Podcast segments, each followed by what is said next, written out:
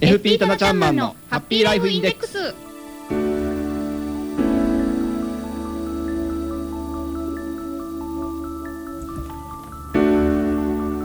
タナちゃんマンのハッピーライフインデックス。この時間はあなたの夢と未来をトータルサポートするライフサポート有限会社の提供でお送りします。私たちと一緒に明るい未来幸せな生活になるためのマネーライフを考えてみませんか？この番組ではあなたからの疑問質問も受け付けています。宛先は浜園専用メールアドレス hama.p-wave.ne.jp ハマアットマーク p-wave.ne.jp です。何でも結構ですよ。お待ちしています。さあそれでは今日も早速一級ファイナンシャルプランニング技能士そしてライフサポート有限会社代表のかなちゃんマンを呼んでみましょう。あなたもご一緒にせーのかなちゃんマン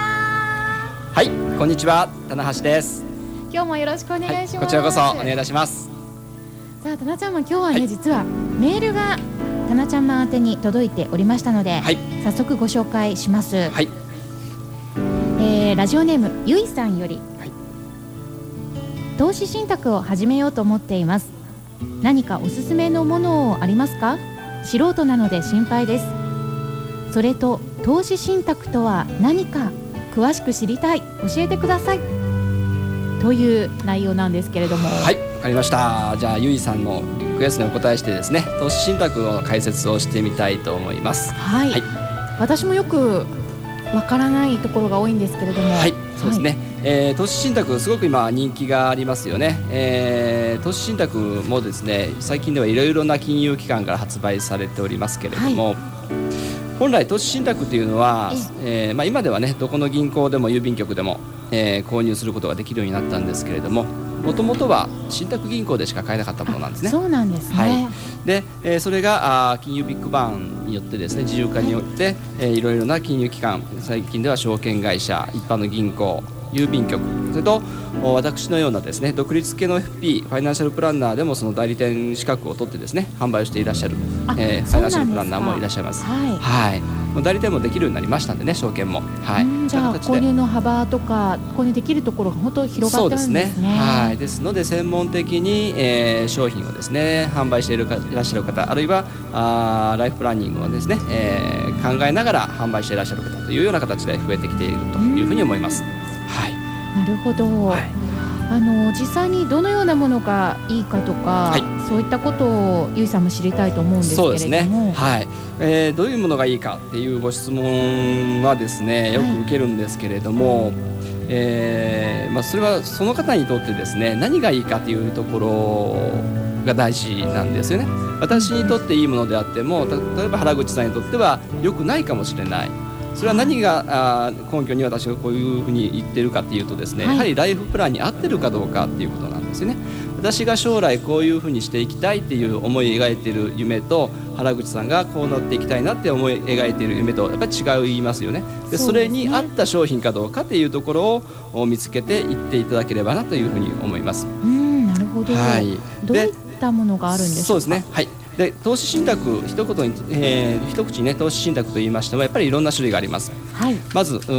公社債投資信託と言われるものとはい。それと株式投資信託と言われるものに2つに分けることができます。はい、で、えー、公社債投資信託っていうものはですね一切株式には投資をしていない投資信託ですね、えー、国債であったり社債といった債券ですね。債券でのみ、えー、運用している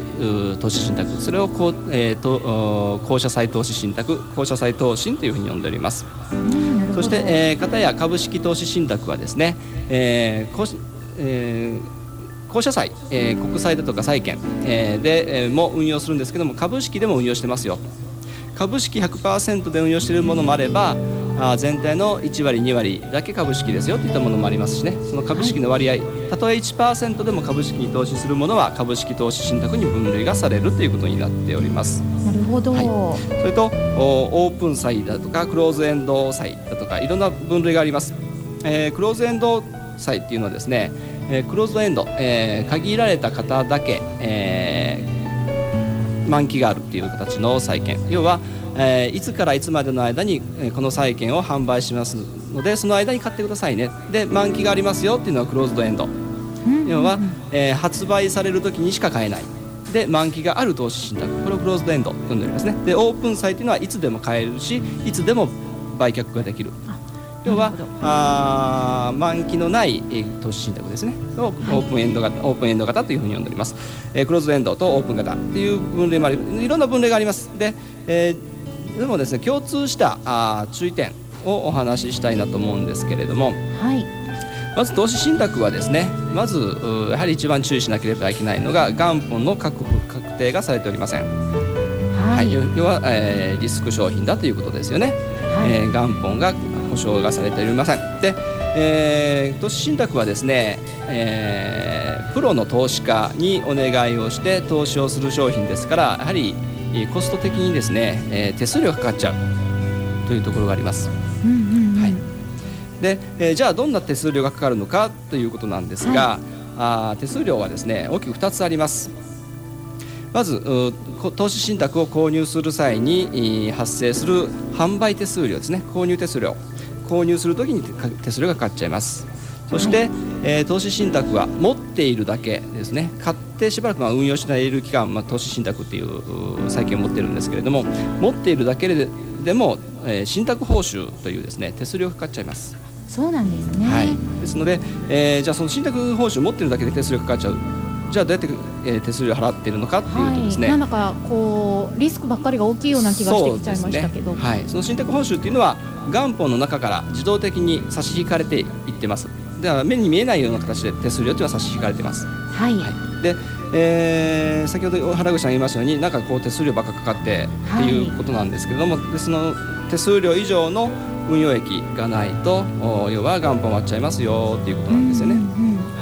じゃあどれぐらいのですね手数料かかっているのかということなんですが、はい、まず販売手数料ほとんどの、まあ、商品によっては違うんですけれどもおおむね0.5%から高いものでいきますと3.5%ぐらい、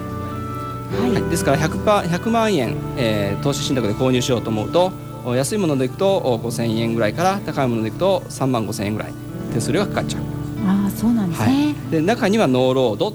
ていうものもあります。ノーロードファンドっていうんですけれども、はい、ノーロードって何かっていうとこの募集手数料がかからないんですね。はいはい、投資信託購入する時の手数料かかりません、うん、持っているだけでかかるものはありますね。はいでその信託報酬ですね持っているだけでかかる手数料、はい、ノーロードファンドはですね、信託報酬がちょっと若干高めに設定されてます。はい、でじゃあ信託報酬じゃあどれぐらいかかるのかっていうことなんですけれどもこれも、えー、運用会社によって若干違います、はい、という形でかかってきますね。はい。でえー、信託報酬はそのこう例えば銀行さんで購入しますよね、はい、その銀行さんが運用するかというとそうではありません。で、えー、銀行さんはその販売手数料という手数料で儲けます。で販売窓口になっているだけという。そうですね。で、えー、購入したお金はどこに行くのかというと投信会社ですね、はい、えー、例えばあ国際投資ファンド会社とかですね。そういうファンド会社があります、そちらで運用管理をしていきます。で信託銀行が最終的にそのお金を管理をするということ